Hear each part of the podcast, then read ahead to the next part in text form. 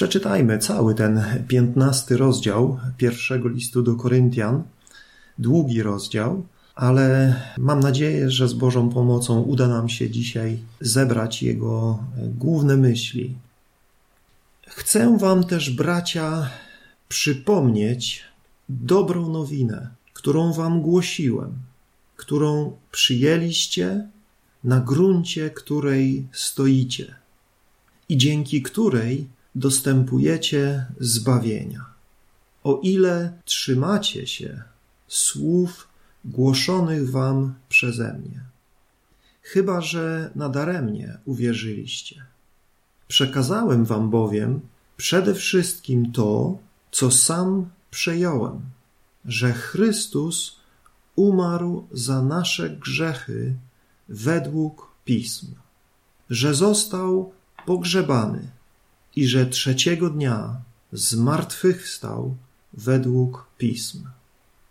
Następnie ukazał się Kefasowi, potem dwunastu, a potem ponad pięciuset braciom naraz, z których większość dotąd żyje, a niektórzy pomarli. Później ukazał się Jakubowi, a następnie wszystkim apostołom. Na końcu, po wszystkich, ukazał się też mnie, jakby poronionemu płodowi. Ja bowiem jestem najmniejszy z apostołów i nie jestem godny nazywać się apostołem, ponieważ prześladowałem Kościół Boży. Jednak z łaski Boga jestem tym, czym jestem. A łaska, którą mi okazał, nie była bezowocna. Przeciwnie, więcej niż oni wszyscy pracowałem. Chociaż nie ja, lecz łaska Boża, która jest ze mną. Czy więc ja, czy oni, to samo głosimy i temu uwierzyliście. Jeśli więc o Chrystusie się głosi, że został wzbudzony z martwych, jak mogą niektórzy z was twierdzić, że nie ma zmartwychwstania? Bo jeśli nie ma zmartwychwstania, to i Chrystus nie został wzbudzony. A jeśli Chrystus nie został wzbudzony, to daremne jest nasze poselstwo i daremna jest wasza wiara. Okazujemy się też fałszywymi świadkami Boga, bo świadczyliśmy, że Bóg wzbudził Chrystusa, a tymczasem nie wzbudził, skoro rzeczywiście umarli nie zmartwychwstają. Bo jeśli umarli nie zmartwychwstają, to i Chrystus nie został wzbudzony. A jeśli Chrystus nie został wzbudzony, daremna wasza wiara nadal ciążą na was grzechy. Ponadto ci, którzy zasnęli w Chrystusie, poginęli.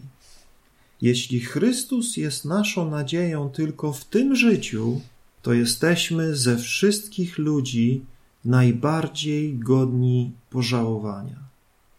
Tymczasem Chrystus zmartwychwstał i jest pierwszym zwiastunem zmartwychwstania tych, którzy zasnęli. Skoro bowiem przez człowieka wkroczyła śmierć, przez człowieka też nadejdzie zmartwychwstanie. Bo jak w Adamie wszyscy umierają, tak też w Chrystusie wszyscy zostaną ożywieni. Każdy w swoim porządku. Jako pierwszy zwiastun Chrystus. Potem, w czasie Jego przyjścia, ci, którzy należą do Chrystusa. Następnie przyjdzie koniec, gdy przekaże królowanie Bogu i Ojcu, gdy usunie wszystkie zwierzchności, każdą władzę i moc. On bowiem musi królować, aż położy wszystkich wrogów pod swoje stopy, a jako ostatni wróg usunięta zostanie śmierć. Wszystko bowiem poddał pod jego stopy. Gdy zaś powiedział, że mu poddał wszystko, jasne jest, że poza tym, który to uczynił, kiedy wszystko będzie mu poddane, wówczas i sam syn podda się temu, który mu wszystko poddał, aby Bóg był wszystkim we wszystkim. Wracając do zmartwychwstania, jeśli go nie ma, to co mają zrobić ci, którzy przyjmują chrzest ze względu na umarłych? Jeśli umarli nie zmartwychwstają, po co się z ich powodu chrzcić? Po co i my ciągle podejmujemy ryzyko? Zapewniam was, bracia, na chlubę, którą mi jesteście w naszym Panu Jezusie Chrystusie. Ja codziennie liczę się ze śmiercią. Jeśli tylko jako człowiek z nadzieją ograniczającą się do tego życia walczyłem z dzikimi bestiami w Efezie, to co przez to zyskałem? Jeśli umarli nie zmartwychwstają, to jedzmy i pijmy, bo jutro pomrzemy.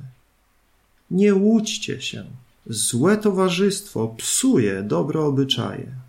Otrzeźwiejcie wreszcie i przestańcie grzeszyć, bo niektórzy z was w ogóle nie rozumieją Boga.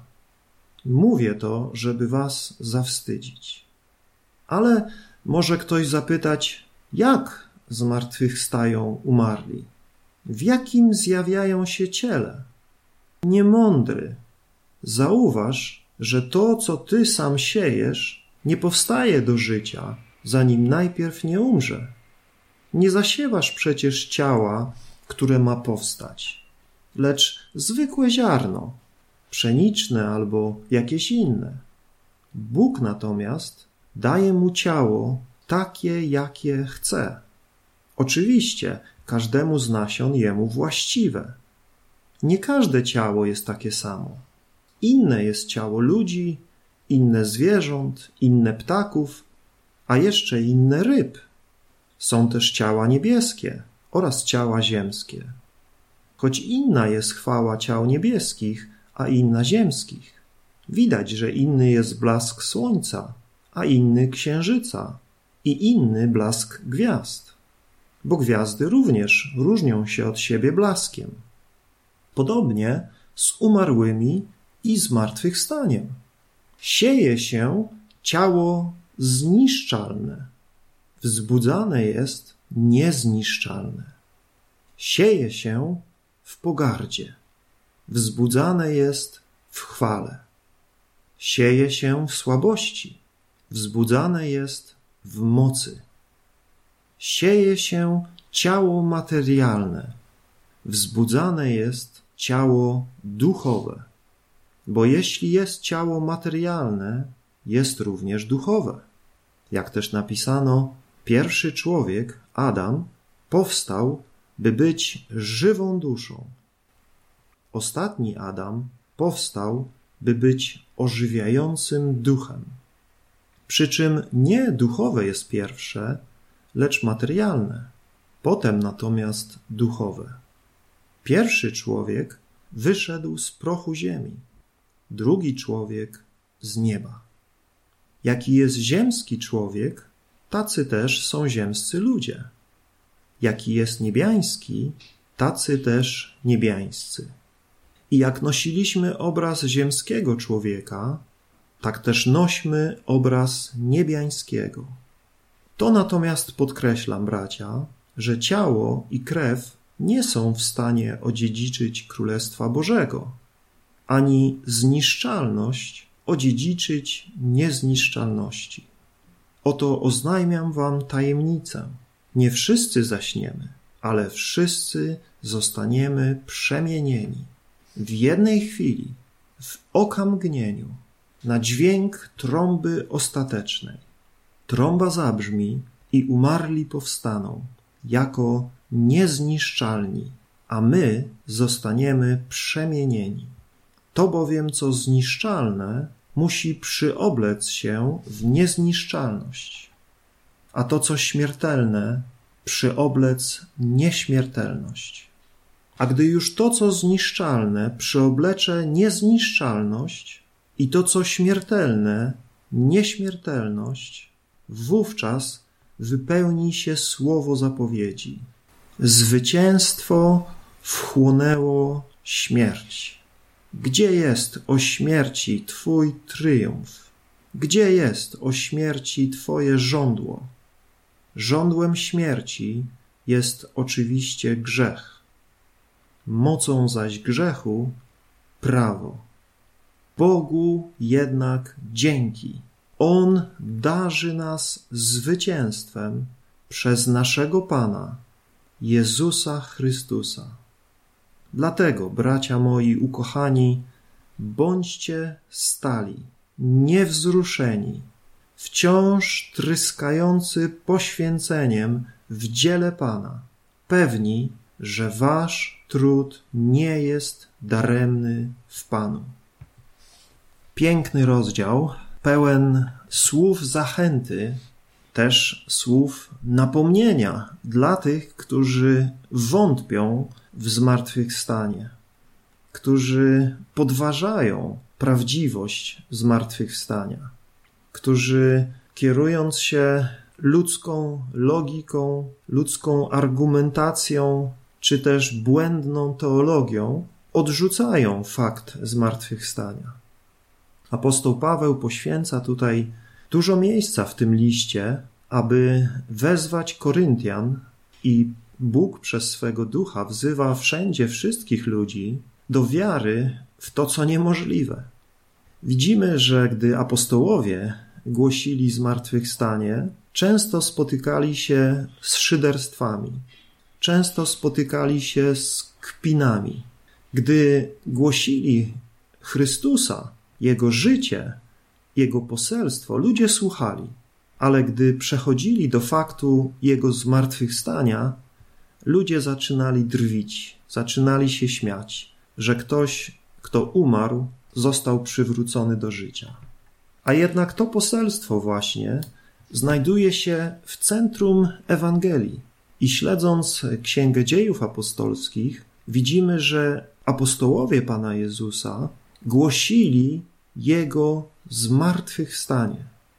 Na samym początku tego rozdziału apostoł Paweł przypomina dobrą nowinę, przypomina Ewangelię, którą głosił Koryntianom i którą oni przyjęli i na której gruncie stali. Chociaż widzimy, że byli tam między nimi tacy, którzy przyjęli część tej Ewangelii, ale wątpili, czy kwestionowali, czy odrzucali aspekt zmartwychwstania. Jednak apostoł Paweł tutaj dowodzi, że odrzucenie jakiegokolwiek elementu Ewangelii jest utraceniem gruntu pod nogami. W pierwszym wierszu chwali ich za to, że przyjęli Ewangelię, którą Paweł im głosił, że stali na jej gruncie i dzięki której dostępowali zbawienia. A więc widzimy tutaj, że jest to niezwykle ważne, by chrześcijanie, przyjąwszy Ewangelię, trwali w niej, stali mocno na jej gruncie.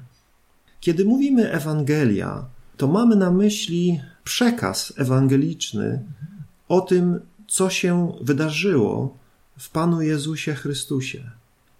Mówimy o Jego życiu, o Jego śmierci, o Jego złożeniu do grobu, o Jego zmartwychwstaniu i o Jego powtórnym przyjściu w chwale Jego wiecznym królestwie. Natomiast w języku greckim to słowo dobra nowina było po prostu słowem, które używano na wszelką dobrą nowinę. Cokolwiek dobrego się wydarzyło, no to była to Ewangelia. Więc apostoł Paweł, używając tego wyrażenia, nie mówi oczywiście o jakiejkolwiek tutaj dobrej nowinie, ale mówi o konkretnej dobrej nowinie, którą on zwiastował, którą on głosił i którą też głosili inni apostołowie, o czym dalej mówi.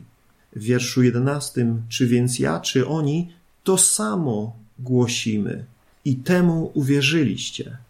A więc Ewangelia, którą apostoł Paweł głosił, nie była jego Ewangelią w takim sensie, że on sam ją wymyślił, że on sam miał jakąś wyjątkową Ewangelię, co możecie dzisiaj usłyszeć od niektórych zwodzicieli, że apostoł Paweł głosił swoją Ewangelię, bo rzeczywiście w kilku miejscach używa takiego sformułowania moja Ewangelia.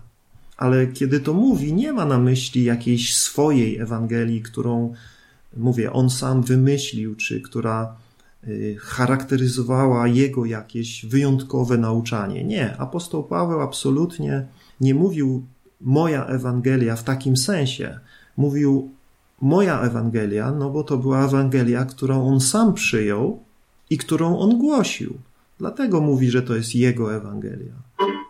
Nie, żeby to była jakaś, mówię, inna Ewangelia wymyślona przez niego, czy y, wyjątkowa dla jego zwiastowania.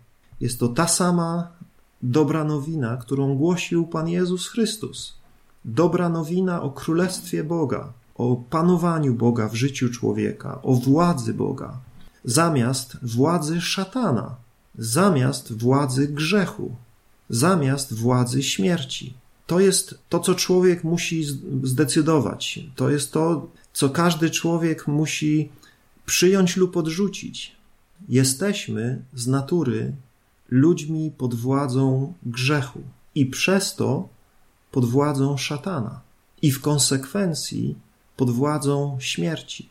Śmierci fizycznej, ale też o wiele większej, straszniejszej śmierci, duchowej śmierci, której konsekwencją jest wieczna śmierć, wieczne oddalenie od oblicza Bożego, wieczne oddalenie od szczęścia Bożego, od życia Bożego, wieczne potępienie, wieczne cierpienie, wieczne zgrzytanie zębów i płacz w miejscu ciemności.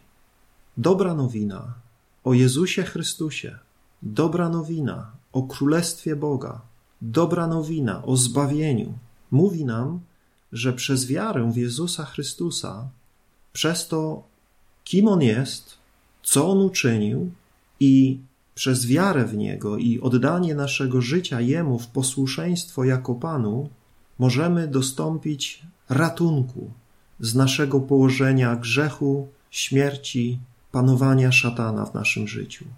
Możemy być od tego wszystkiego uratowani i znaleźć się pod panowaniem Boga, stać się uczestnikami Jego Królestwa, którym Bóg przez Jezusa Chrystusa panuje w naszym życiu, prowadzi nas, chroni nas, zaopatruje nas i ostatecznie zbawia nas na wieczność. I w centrum tej Ewangelii są historyczne fakty. Ta Ewangelia, którą apostoł Paweł głosił, nie była Ewangelią jakiegoś filozoficznego wnioskowania. To nie była Ewangelia własnych subiektywnych odczuć czy przeżyć, ale Ewangelia, którą głosił apostoł Paweł i którą głosili apostołowie, jest Ewangelią która zasadza się na historycznych faktach. Zauważcie w wierszu trzecim, Paweł mówi: Przekazałem wam to, co sam przyjąłem, że Chrystus umarł za nasze grzechy według pism. A więc tutaj mamy świadectwa pism, które od wieków zapowiadały przyjście Mesjasza, Bożego Pomazańca, który jednocześnie jest Bogiem, który przychodzi do swojego ludu, aby go zbawić. Pisma zapowiadały przyjście sługi Bożego, zapowiadały przyjście tego, który wypełni wolę Boga, Jahwe, jednocześnie mówiąc o tym, że przyjdzie sam Jahwe do swojego ludu, aby go zbawić. I w Jezusie Chrystusie to się stało. On przyszedł tutaj do nas na ziemię jako człowiek, Przyszedł uniżając się, chociaż był Bogiem, jak czytamy w liście do Filipian, będąc w istocie Bogiem, wyparł się samego siebie, uniżył się i przyjął postać sługi. I jako człowiek żył na tej ziemi, polegając na mocy Ducha Świętego, którego Bóg mu udzielał. Żył i umarł jako człowiek, zgodnie z tym, co mówiły pisma umarł za nasze grzechy.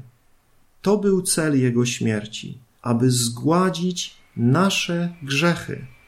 Ludzie na przestrzeni wieków oskarżali Żydów, że są mordercami Chrystusa, oskarżali Rzymian, że są mordercami Chrystusa, ale prawda jest taka, że każdy z nas, każdego dnia, gdy patrzy w lustro, widzi morderców Chrystusa. To ja i mój grzech, i to ty i twój grzech. Chrystus umarł za nasze grzechy. To nasze grzechy sprawiły, że musiał tak się uniżyć, że musiał tak cierpieć i musiał umrzeć tak straszną śmiercią. Czytamy dalej, że został pogrzebany. To wyrażenie nie jest y, precyzyjne. Precyzyjniej byłoby powiedzieć, został złożony w grobie, gdyż wiemy, że on nie był dosłownie pogrzebany, nie został zasypany ziemią, bo to słowo to oznacza, ale został złożony w grobie i trzeciego dnia zmartwychwstał według pism. Oczywiście tutaj mogli, moglibyśmy przytaczać te różne miejsca Starego Testamentu, w których jest mowa o tym, że On musi umrzeć za nasze grzechy i On musi powstać z martwych. I pisma Starego Testamentu składały takie świadectwo. Ja dzisiaj nie mam czasu, żeby po nie sięgnąć i je przytoczyć, ale mam nadzieję, że znacie 53 rozdział Księgi Izajasza, że znacie historię Jonasza, który przez trzy dni i trzy noce znajdował się w głębi wielkiej ryby, którą Bóg stworzył, co jest obrazem tego, że Syn Człowieczy, Jezus Chrystus, będzie przez trzy dni i trzy noce w grobie. I tak jak pismo zapowiadało, po trzech dniach zmartwychwstanie. W wielu psalmach znajdujemy aluzje czy zapowiedzi prorocze zmartwychwstania Bożego Pomazańca, że on nie będzie oglądał skażenia, ale zostanie wyzwolony z więzów śmierci. Pismo w wielu miejscach, czy to w sposób bezpośredni, proroczy, czy też w sposób obrazowy, mówi o śmierci i zmartwychwstaniu Jezusa Chrystusa. To zmartwychwstanie zostało dowiedzione przez wielokrotne ukazywanie się Jezusa Chrystusa wybranym ludziom. Czytamy, że Pan Jezus po swojej śmierci przez wiele dni ukazywał się swoim uczniom. To nie było jednorazowe wydarzenie, jednorazowe spotkanie, ale wielokrotnie Pan Jezus spotykał się, rozmawiał, nawet jadł ze swoimi uczniami, dając im liczne dowody swego zmartwychwstania.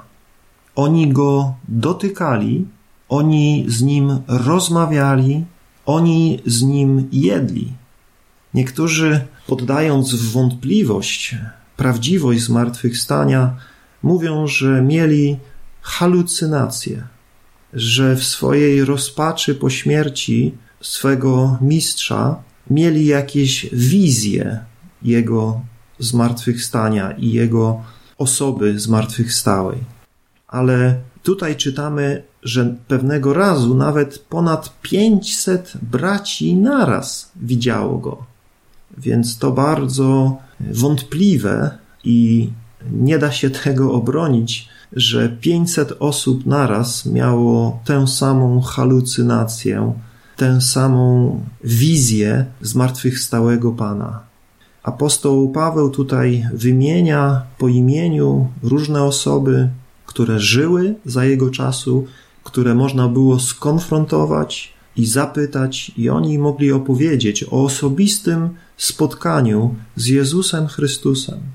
I wiemy, że nie była to jakaś ich zmowa, że nie był to jakiś e, trik, tylko oni życie za to oddali. Oni wszyscy, wielu z nich, jeśli chodzi o apostołów, to z tego co wiemy, wszyscy poza apostołem Janem umarli męczeńską śmiercią, twierdząc, że Jezus z martwych stał i jest Panem.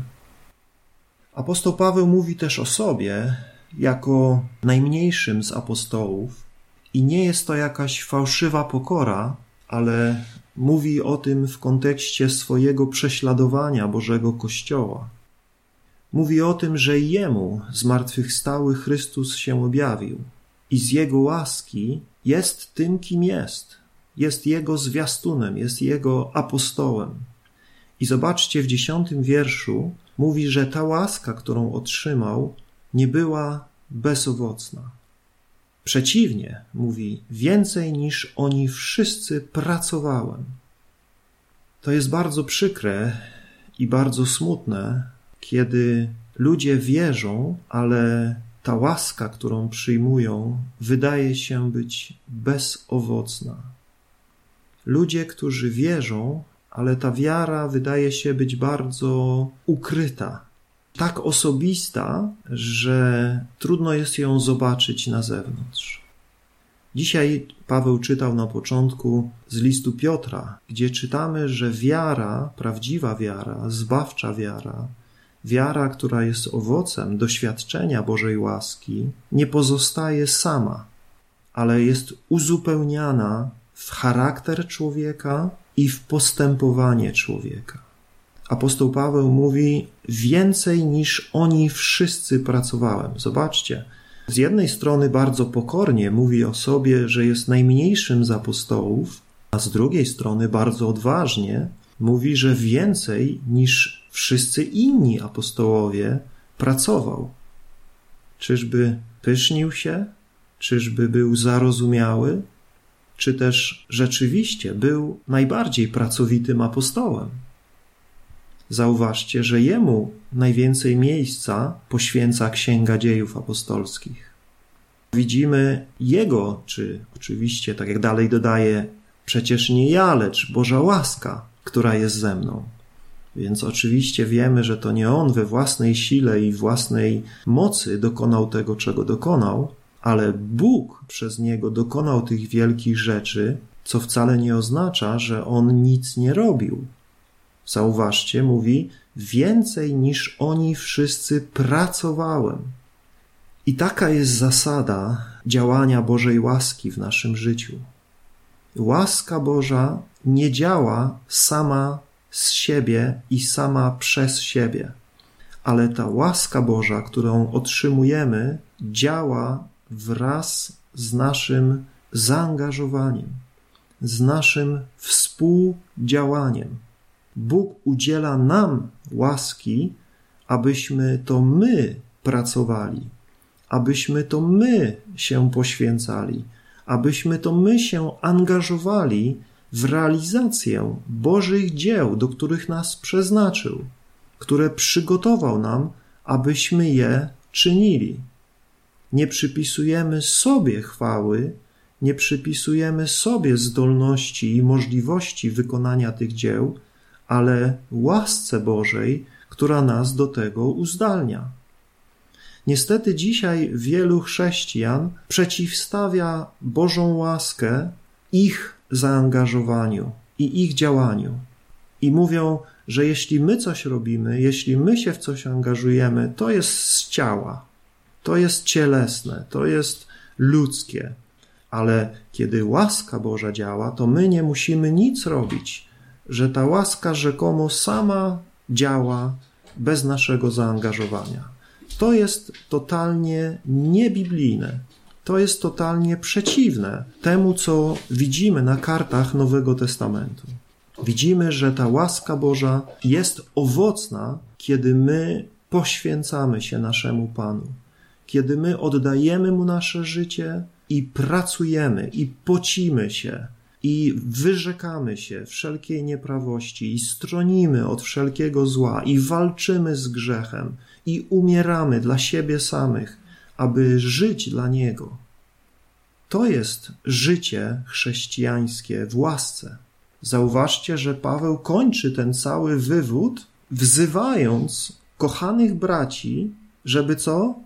Żeby stali niewzruszeni i tryskający poświęceniem w dziele Pana, pewni, że ich trud nie jest daremny w Panu, a więc mają się trudzić, mają pracować, mają się poświęcać. Po to apostoł Paweł tutaj kieruje te słowa o wartości życia i służby i poświęcenia się i ciężkiej pracy dla Jezusa Chrystusa, która ma wielką zapłatę. Gdyby nie było zmartwychwstania, to oczywiście to wszystko byłoby daremne. Gdyby nie było zmartwychwstania, tak jak niektórzy twierdzili, wtedy rzeczywiście bez sensu, Paweł mówi, byłoby ciężko pracować, się zmagać, ponosić ofiary, narażać się na niebezpieczeństwa. Mówi, jakże niektórzy z Was mogą mówić, że nie ma zmartwychwstania? Jeśli zaprzeczacie zmartwychwstaniu, to po pierwsze zaprzeczacie zmartwychwstaniu Chrystusa. A więc to wszystko, co my Wam głosiliśmy, to wszystko, w co uwierzyliście, nic Wam nie pomoże, jeśli Chrystus nie zmartwychwstał. Jeżeli odrzucimy jakąś część Ewangelii, tutaj akurat nie jest mowa o zmartwychwstaniu, ale każdą inną, jeśli odrzucimy kwestię krzyża, cierpienia, śmierci Pana Jezusa, przelania Jego krwi, to tak samo ta Ewangelia przestaje mieć moc, przestaje mieć sens, przestaje mieć znaczenie, przestaje być zbawczą Ewangelią. A więc tutaj Paweł, argumentując wagę i konieczność wiary i głoszenia zmartwychwstania, pokazuje, że jeśli odrzucimy ten element Ewangelii, no to wszystko nam się sypie. Okazuje się, że apostołowie byli fałszywymi świadkami Boga, bo mówili, że Chrystus zmartwychwstał, podczas jeśli nie ma zmartwychwstania, no to kłamali. I oczywiście nadal ludzie są pod ciężarem swoich grzechów, ponieważ pismo mówiło, zapowiadało, że Mesjasz musi powstać z martwych. I to było dowodem na to, że jego ofiara na krzyżu została przyjęta że jego śmierć była skuteczna w zgładzeniu grzechów. Zmartwychwstanie jest dowodem zwycięstwa nad śmiercią. A więc, jeżeli to się nie stało, no to wszyscy, którzy zasnęli w Chrystusie, poginęli. Ci wszyscy, którzy teraz wierzą w Chrystusa, daremnie wierzą i są godni pożałowania. Tym bardziej w kontekście tego wszystkiego, co robili apostołowie narażając się, mówi każdego dnia, jesteśmy, mówi dzień w dzień, narażani na śmierć. I mówi, jaki sens tego wszystkiego, jeśli nie ma zmartwychwstania, jeżeli nie mamy nadziei na to, że nasza nagroda objawi się, gdy i my zmartwychwstaniemy. Mówi, jeśli w tym życiu pokładamy nadzieję w Chrystusie, to jesteśmy ze wszystkich ludzi najbardziej godni pożałowania, ponieważ w tym życiu apostoł Paweł i inni apostołowie i inni wierni świadkowie Jezusa Chrystusa doświadczali przykrości, doświadczali kpin, doświadczali szyderstw, doświadczali więzów, biczowania i bolesnej śmierci. A więc jeżeli w tym pokładali swoją ufność w Chrystusie, no to patrząc na ich ziemskie życie, można się nad nimi tylko użalić można pomyśleć, jacy to byli biedni ludzie. Takie skromne życie prowadzili, wystrzegali się od wszelkich ziemskich przyjemności, wszelkich rozrywek, nieśli Ewangelię do tych, którzy ich często źle traktowali. Paweł mówi: Gdziekolwiek idę, do jakiegokolwiek miasta się udaję, Duch Święty przekonuje mnie, że czekają mnie więzy i prześladowania. A więc gdzie Paweł nie poszedł, to właśnie z tym się spotykał. Spotykał się z wrogością, z kpinami, drwinami, a często więzami, biczowaniami i różnymi bolesnymi doświadczeniami. Więc mówi, jeśli to jest nasza nadzieja w Chrystusie, że wierzymy Chrystusowi i tylko to nas spotyka, no to rzeczywiście jesteśmy godni pożałowania. Dzisiaj wielu ludzi mówi, że wiara w Chrystusa daje nam lepsze życie tutaj na ziemi. Że wiara w Chrystusa sprawia, że nam się łatwiej i lepiej tutaj na ziemi żyje. W jakiejś mierze możemy się z tym zgodzić, że łatwiej nam się żyje w sensie, że nie dźwigamy na sobie ciężaru naszych win, że wiemy, że Bóg nam przebaczył w Jezusie Chrystusie, łatwiej nam się żyje, bo mamy pokój, który przewyższa wszelkie zrozumienie, bez względu na to, jakie są nasze okoliczności, bez względu na to, z jakimi trudnościami musimy się zmagać w naszym życiu. W jakimś sensie nasze doczesne życie jest lepsze, jaśniejsze, pogodniejsze, szczęśliwsze, ale w innych aspektach jest trudniejsze, w innych aspektach jest bardziej bolesne. My musimy rezygnować, jeśli żyjemy w Chrystusie, musimy z wielu rzeczy rezygnować, z których korzysta ten świat. Rezygnujemy z różnych rozkoszy i przyjemności grzesznego świata.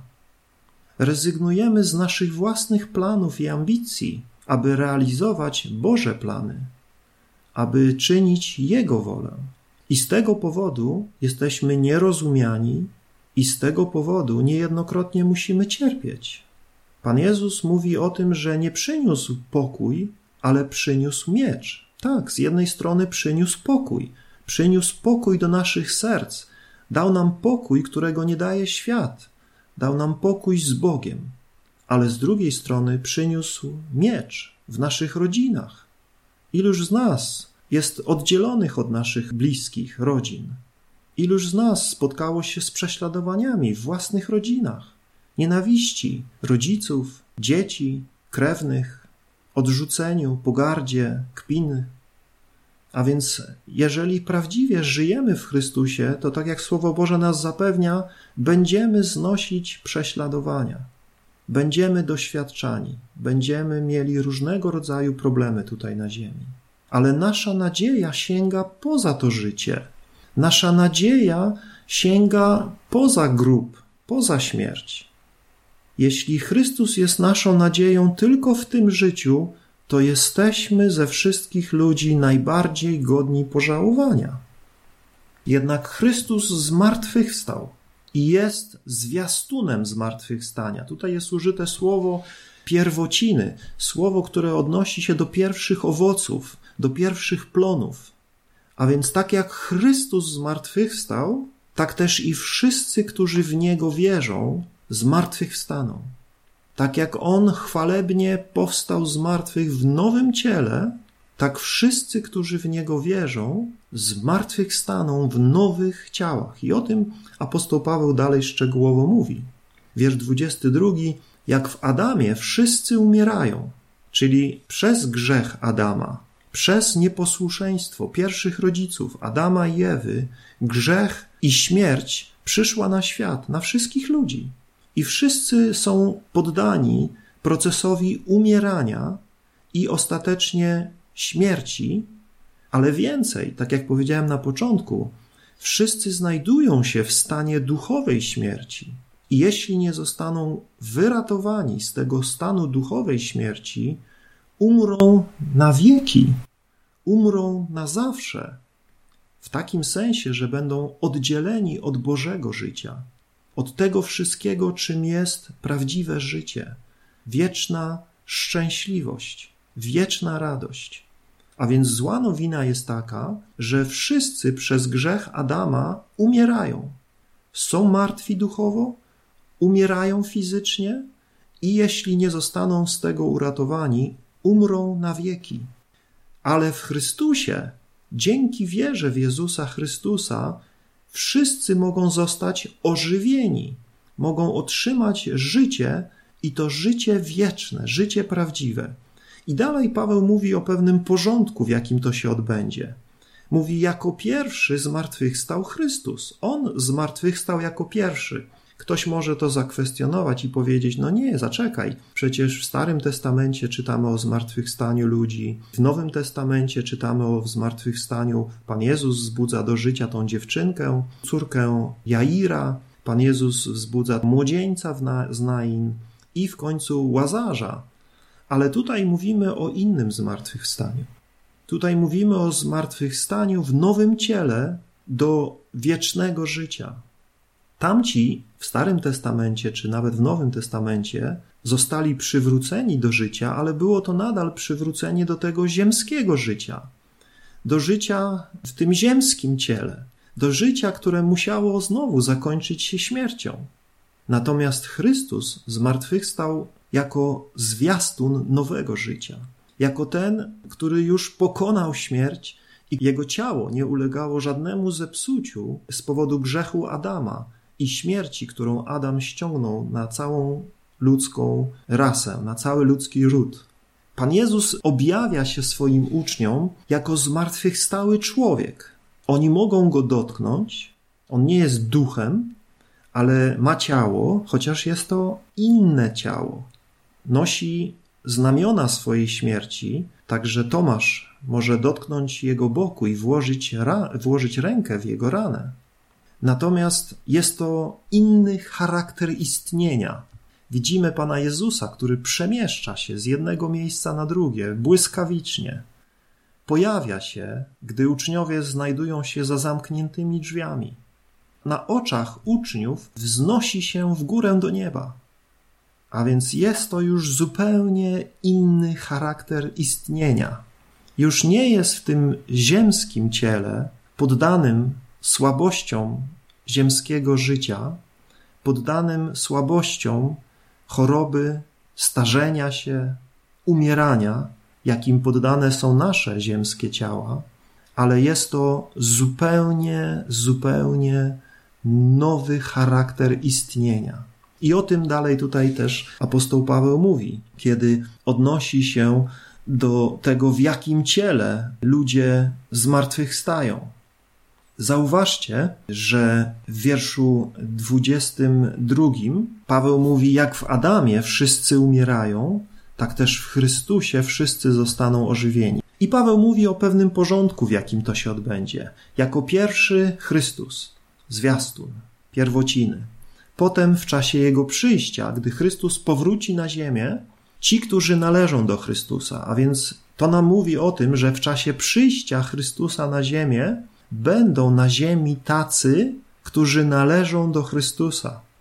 Do samego końca będą na ziemi wyznawcy Chrystusa. I oni w czasie Jego przyjścia zostaną przemienieni na Jego obraz. No i oczywiście zmartwychwstaną ci, którzy umarli w Chrystusie. Czytamy, że następnie przyjdzie koniec, gdy przekaże królowanie Bogu i Ojcu, gdy usunie wszystkie zwierzchności, każdą władzę i moc, a więc cały ten ziemski porządek, który teraz jest ustanowiony, gdzie mamy różnego rodzaju zwierzchności, władze, to wszystko zostanie usunięte.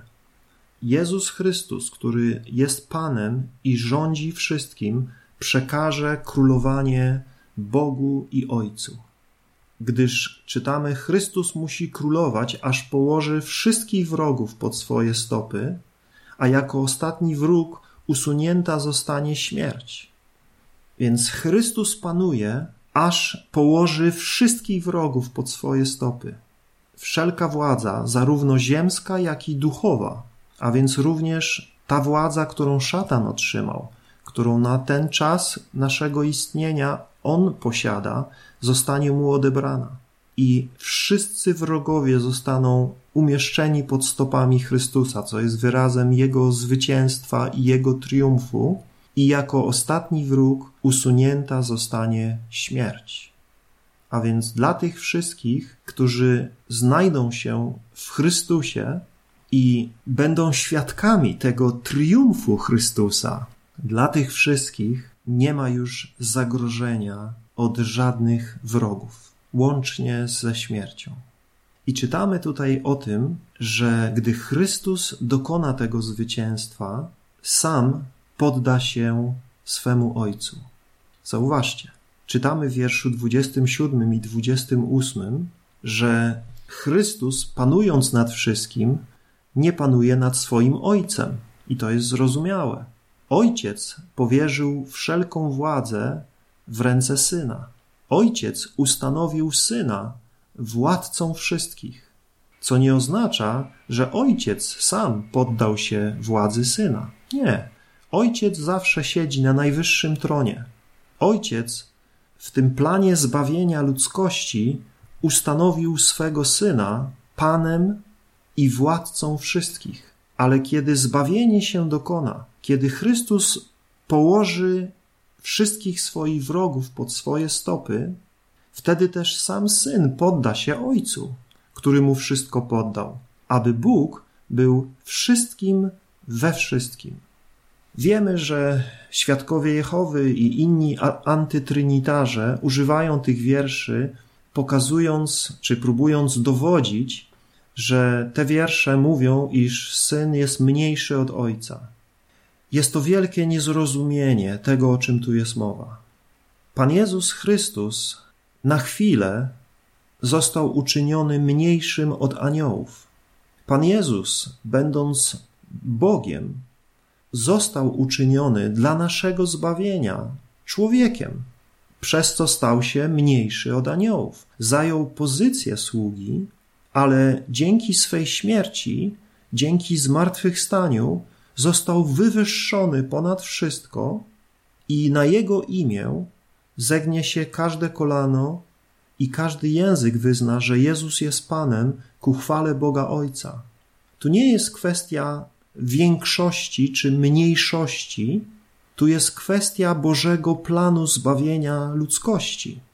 Syn musiał się uniżyć i syn musiał zająć pozycję, którą zajął, pozycję sługi, aby nas zbawić, aby stać się jednym z nas, a przez to stać się miłosiernym arcykapłanem nowego przymierza, tym, który staje się pośrednikiem między ludźmi a Bogiem.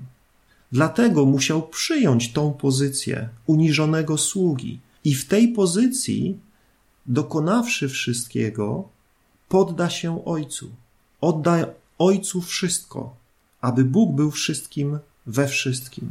Więc tutaj nie mówimy o tym, że syn w swojej wiecznej, w swoim wiecznym synostwie jest mniejszy od Ojca i jako Syn Boży zajmuje jakąś niższą pozycję. Mówimy tutaj o dziele zbawienia, mówimy tutaj o dziele odkupienia ludzkości, mówimy tutaj o tym wszystkim, czym Syn Boży się stał i kim dzisiaj jest, aż do czasu całkowitego dokonania dzieła zbawienia.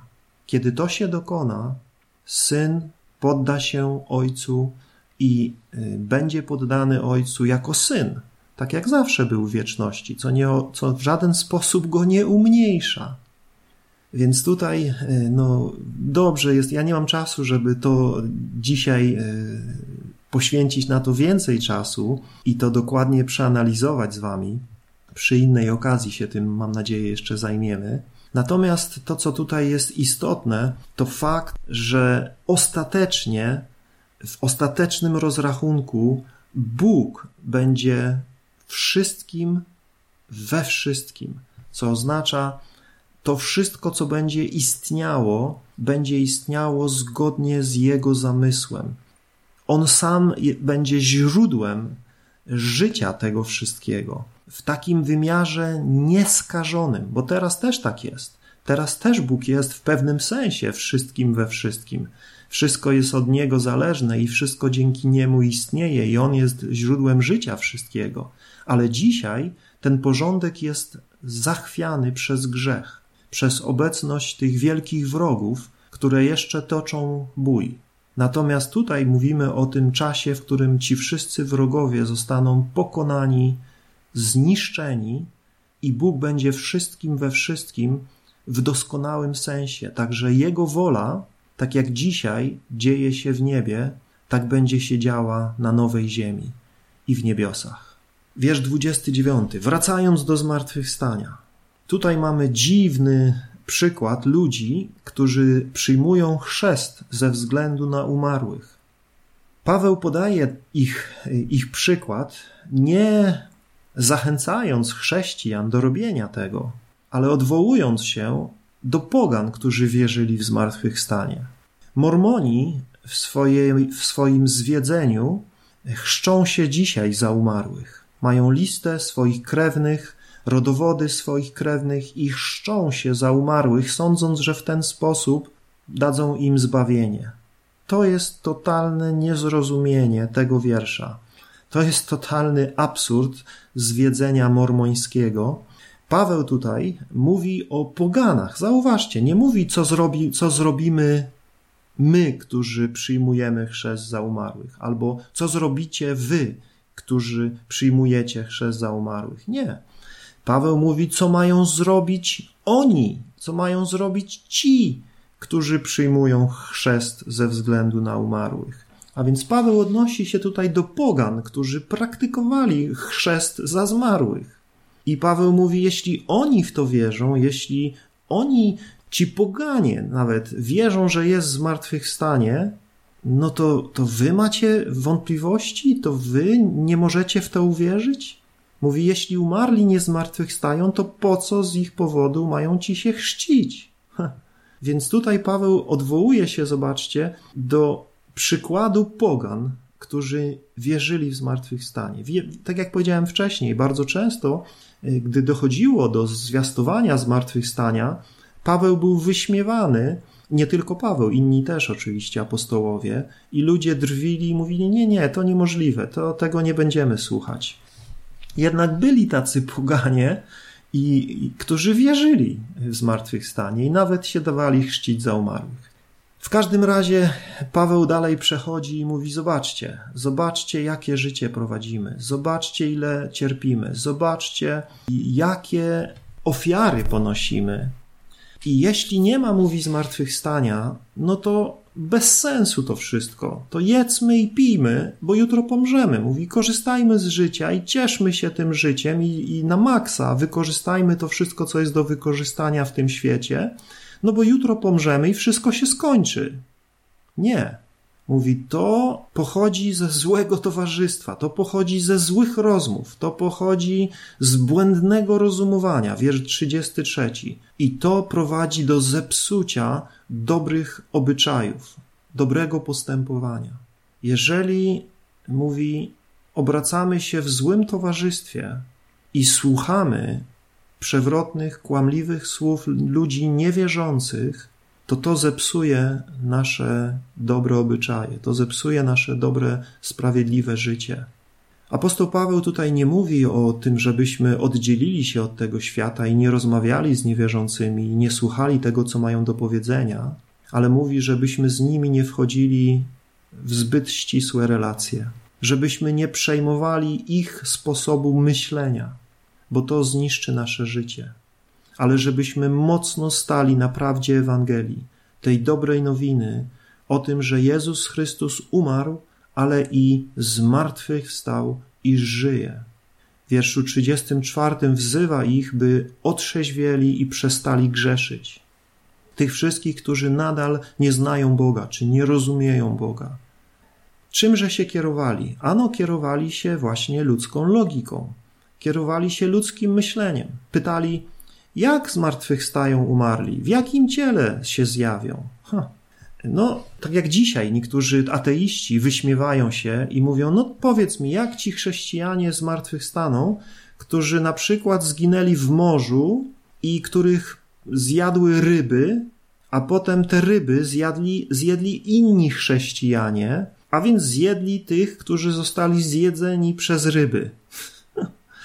Więc teraz mówi, jak Bóg wzbudzi to potem z martwych, kiedy cząstki tego zmarłego człowieka, chrześcijanina, który utonął w morzu, zjedzone przez rybę, a potem zjedzone przez chrześcijanina, a potem ten chrześcijanin zjedzony przez robaki i te robaki zgnite i przez te robaki rośliny wyrastają i tak dalej i ci zjadają kolejni, krowa zjada te rośliny, człowiek zjada krowę. Rozumiecie? Całe to takie logiczne myślenie, tak?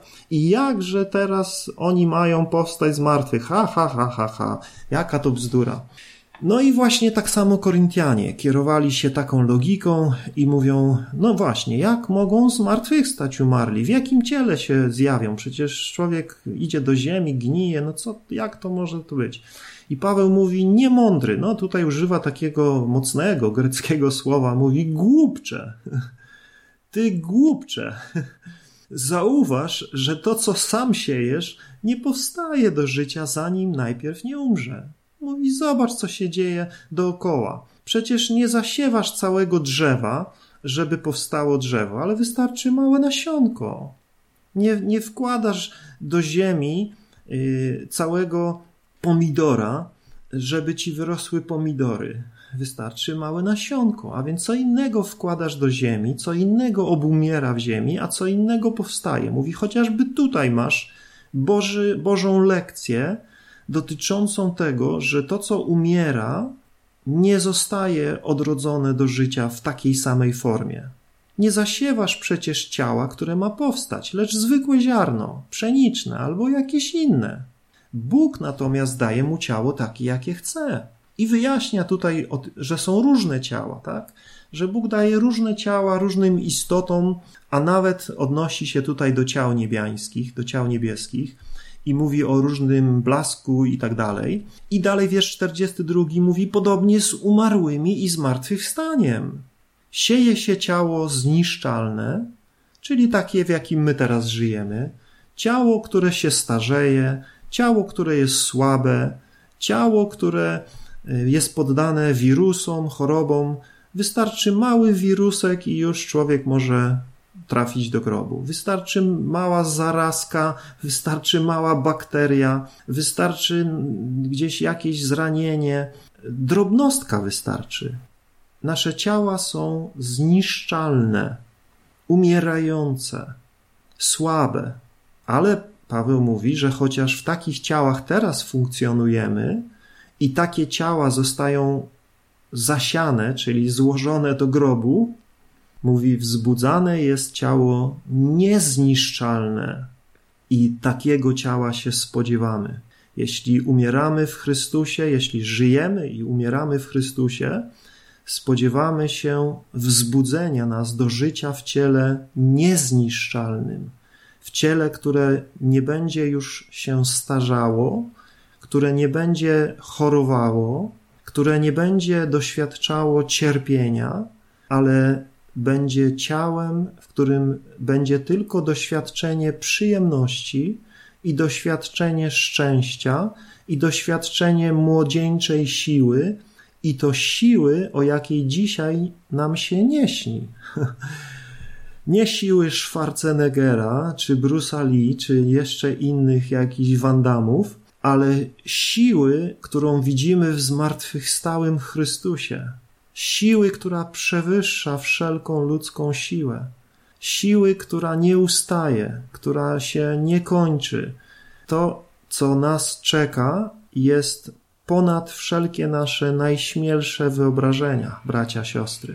Jeśli ufamy naszemu Panu Jezusowi Chrystusowi, to czytamy, że gdy On się objawi, będziemy do Niego podobni.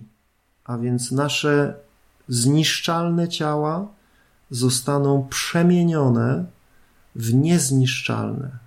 Czytamy w wierszu 43: Sieje się w pogardzie, ale wzbudzane jest w chwale. A więc to, co dzisiaj wielu chrześcijan zostaje zamordowanych, zabitych y, i się z nich drwi i śmieje, i wielu na przestrzeni wieków tego doświadczyło. I nawet jeśli człowiek umiera w swoim łóżku jako starzec, czy też z powodu jakiejś trawiącej jego ciała choroby, to jest to, jest to w jakiejś mierze wyrazem właśnie tego, co, co trudno nazwać chwalebnym. To, to właśnie w tym słowie pogarda może się mieścić, że jest to coś żałosnego, że jest to coś no takiego, co, co budzi naszą, naszą litość, y, a czasami właśnie w, w sercach innych y, budzi jakąś pogardę. Natomiast czytamy, że to wzbudzenie w Chrystusie jest wzbudzeniem w chwale. To, co człowiek utracił, gdy zgrzeszył, zostaje w Chrystusie przywrócone albo nawet spotęgowane, gdyż człowiek zostaje otoczony chwałą Syna Bożego, chwałą samego Boga. Więc e, to zmartwychwstanie wierzących jest zmartwychwstaniem w chwale Bożej, w wolności od tego wszystkiego, co słabe, co właśnie godne pogardy. Mówi, sieje się w słabości, wzbudzane jest w mocy, a więc tutaj to, co mówiłem wcześniej, to ciało nie będzie słabe, nie będzie męczące się, ale będzie pełne wszelkiej Bożej mocy i zdolności. Cieje się, sieje się ciało materialne, a wzbudzane jest ciało duchowe. Tutaj nie chodzi o to, że to ciało nie będzie posiadało jakiejś materii, ale w swej istocie będzie ciałem duchowym, będzie ciałem innej natury, zdominowanej przez ducha, ożywiane duchem. Tak jak Pan Jezus, widzimy, posiada w jakiejś mierze ciało materialne, a z drugiej strony niematerialne. Nie takie materialne, jakie jest to doczesne nasze ciało. Że uczniowie mogą go dotknąć, on może jeść, może poruszać się tak, jak poruszamy się my w ciele, a jednocześnie ma dużo więcej innych możliwości, których my nie posiadamy. A więc w tym sensie jest to ciało duchowe. I Paweł dalej mówi, jeśli jest ciało materialne, jest również duchowe. Jak też napisano, pierwszy człowiek, Adam, stał się, y, powstał, by być żywą duszą, ostatni Adam powstał, by być ożywiającym duchem. Tu jest y, sedna, sedno tego duchowego ciała. Chrystus powstał, on jest tym ostatnim Adamem, by być ożywiającym duchem. A więc tutaj widzimy tą istotę istnienia, w którym duch jest tym dominującym elementem. Dzisiaj ludzie pozbawieni y, Chrystusa, ich dominującym elementem jest ciało. Jest to materialne ciało. To ono jest obiektem starań, to wokół niego wszystko się kręci, żeby je zaspokoić, żeby je nakarmić, żeby o nie zadbać i żeby temu ciału było przyjemnie. Natomiast tutaj widzimy, że następuje zmiana, następuje przełożenie akcentu na to ożywiające duchem istnienie. Czytamy w wierszu 48, jaki jest ziemski człowiek, tacy też są ziemscy ludzie, a jaki jest niebiańscy, tacy też niebiańscy. Jak nosiliśmy obraz ziemskiego człowieka, czyli Adama w tym naszym upadłym stanie, tak też będziemy nosić obraz niebiańskiego. Tutaj cały czas mówimy to, co widzimy w Chrystusie, w Jego zmartwychwstaniu, w Jego chwalebnej postaci, w Jego chwalebnych możliwościach, to wszystko jest i naszą nadzieją. My tego samego się spodziewamy, tego samego oczekujemy i tym się już radujemy. Paweł mówi, podkreślam, że ciało i krew nie, nie są w stanie odziedziczyć Królestwa Bożego. To, co teraz ma miejsce, to nasze doczesne ciało i krew, mówi, to nie wejdzie do Królestwa Niebieskiego, do Królestwa Bożego. Zniszczalność mówi nie odziedziczy niezniszczalności. Musi być, mówi, przemiana. Musi nastąpić radykalna przemiana stanu, w którym będziemy żyli wiecznie. I dalej to wyjaśnia. Nie wszyscy zaśniemy, ale wszyscy zostaniemy przemienieni. W jednej chwili, w okamgnieniu, na dźwięk trąby ostatecznej. Trąba zabrzmi i umarli powstaną jako niezniszczalni. A my, którzy zostaniemy przy życiu w domyśle, zostaniemy przemienieni. To bowiem, co zniszczalne, musi przeoblec się w niezniszczalność to, co śmiertelne, przeoblec się w nieśmiertelność. A więc rzeczywistość y, istnienia zmartwychwstałego to nie jest y, coś, co dzisiaj, mówię, niektórzy ludzie doświadczyli, że zostali wzbudzeni czy przywróceni do życia. To jest coś zupełnie innego, coś, czego jeszcze nie doświadczył żaden inny człowiek poza Panem Jezusem Chrystusem. On jako człowiek umarł, i jako człowiek został przywrócony do nowego życia, i on jedynie istnieje w tej nowej, zmartwychwstałej rzeczywistości, której teraz czytamy, oręduje za nami jako arcykapłan. Wstawia się za nami, sprawuje arcykapłańską służbę w niebiańskiej świątyni, będąc pośrednikiem między ludźmi a Bogiem. I my na jego obraz zostaniemy przemienieni. To, co śmiertelne, zostanie zniweczone, a przeoblecze się w nieśmiertelność. I wtedy też zobaczymy ten ostateczny triumf Chrystusa nad śmiercią. I te ostatnie wiersze o tym mówią. Mówią o triumfie Chrystusa nad śmiercią. I Paweł kończy dziękczynieniem i wezwaniem wierzących do życia w świetle tej chwalebnej nadziei zmartwychwstania. Mówi: Bogu niech będą dzięki. On darzy nas zwycięstwem przez naszego Pana Jezusa Chrystusa. Darzy nas już teraz tutaj zwycięstwem duchowym. Darzy nas zwycięstwem nad grzechem, zwycięstwem nad porządliwością, zwycięstwem nad tym światem, zwycięstwem nad niewiarą. Już dzisiaj możemy doświadczać zwycięstwa naszego Pana Jezusa Chrystusa. Jego moc zmartwychwstania już nas działa. Jeśli wierzymy w Niego, razem z Nim umarliśmy, umarliśmy dla siebie, umarliśmy dla świata, umarliśmy dla grzechu i razem z Nim powstaliśmy do nowego życia, aby już teraz nowe życie prowadzić, pełne dobrych uczynków, pełne chwały Bożej. Nie żyjemy dla siebie samych, ale żyjemy dla Niego. Jeśli tak żyjemy, to Bóg obdarza nas zwycięstwem przez Jezusa Chrystusa. I jeśli w tym życiu wytrwamy, jeśli okażemy się do końca zwycięstwami, zwycięzcami, będziemy też mieli udział w tym ostatecznym zwycięstwie. Dlatego, bracia moi ukochani, bądźcie stali, niewzruszeni, tryskający poświęceniem w dziele Pana, pewni, że wasz trud nie jest daremny w Panu. A więc to jest poselstwo, którym bracia, siostry, chcę Was dzisiaj zachęcić do wytrwałości, do podążania za Chrystusem i do nadziei, do życia w nadziei zmartwychwstania. Jeśli przyjdzie na nas rychła śmierć, bracia, siostry, to nie powód do płaczu, to nie powód do rozpaczy, ale mamy nadzieję. Nawet jeśli smucimy się, to nie smucimy się, jak smuci się ten świat gdyż mamy nadzieję zmartwychwstania.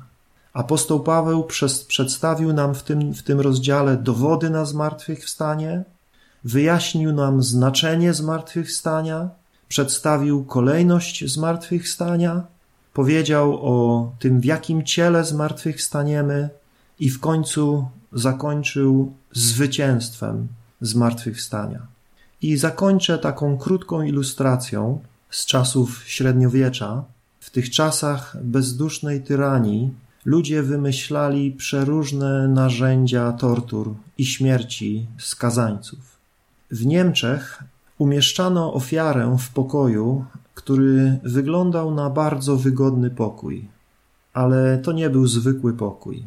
Tam dwie ściany były ruchome, były dobrze naoliwione żłobiny i te ściany powolutku zbliżały się do siebie aby po kilku dniach zmiażdżyć zamkniętego w nich skazańca. Możecie sobie tylko wyobrazić, co działo się w umyśle takiego człowieka, który znajdował się w takim pomieszczeniu, które powoli się kurczyło.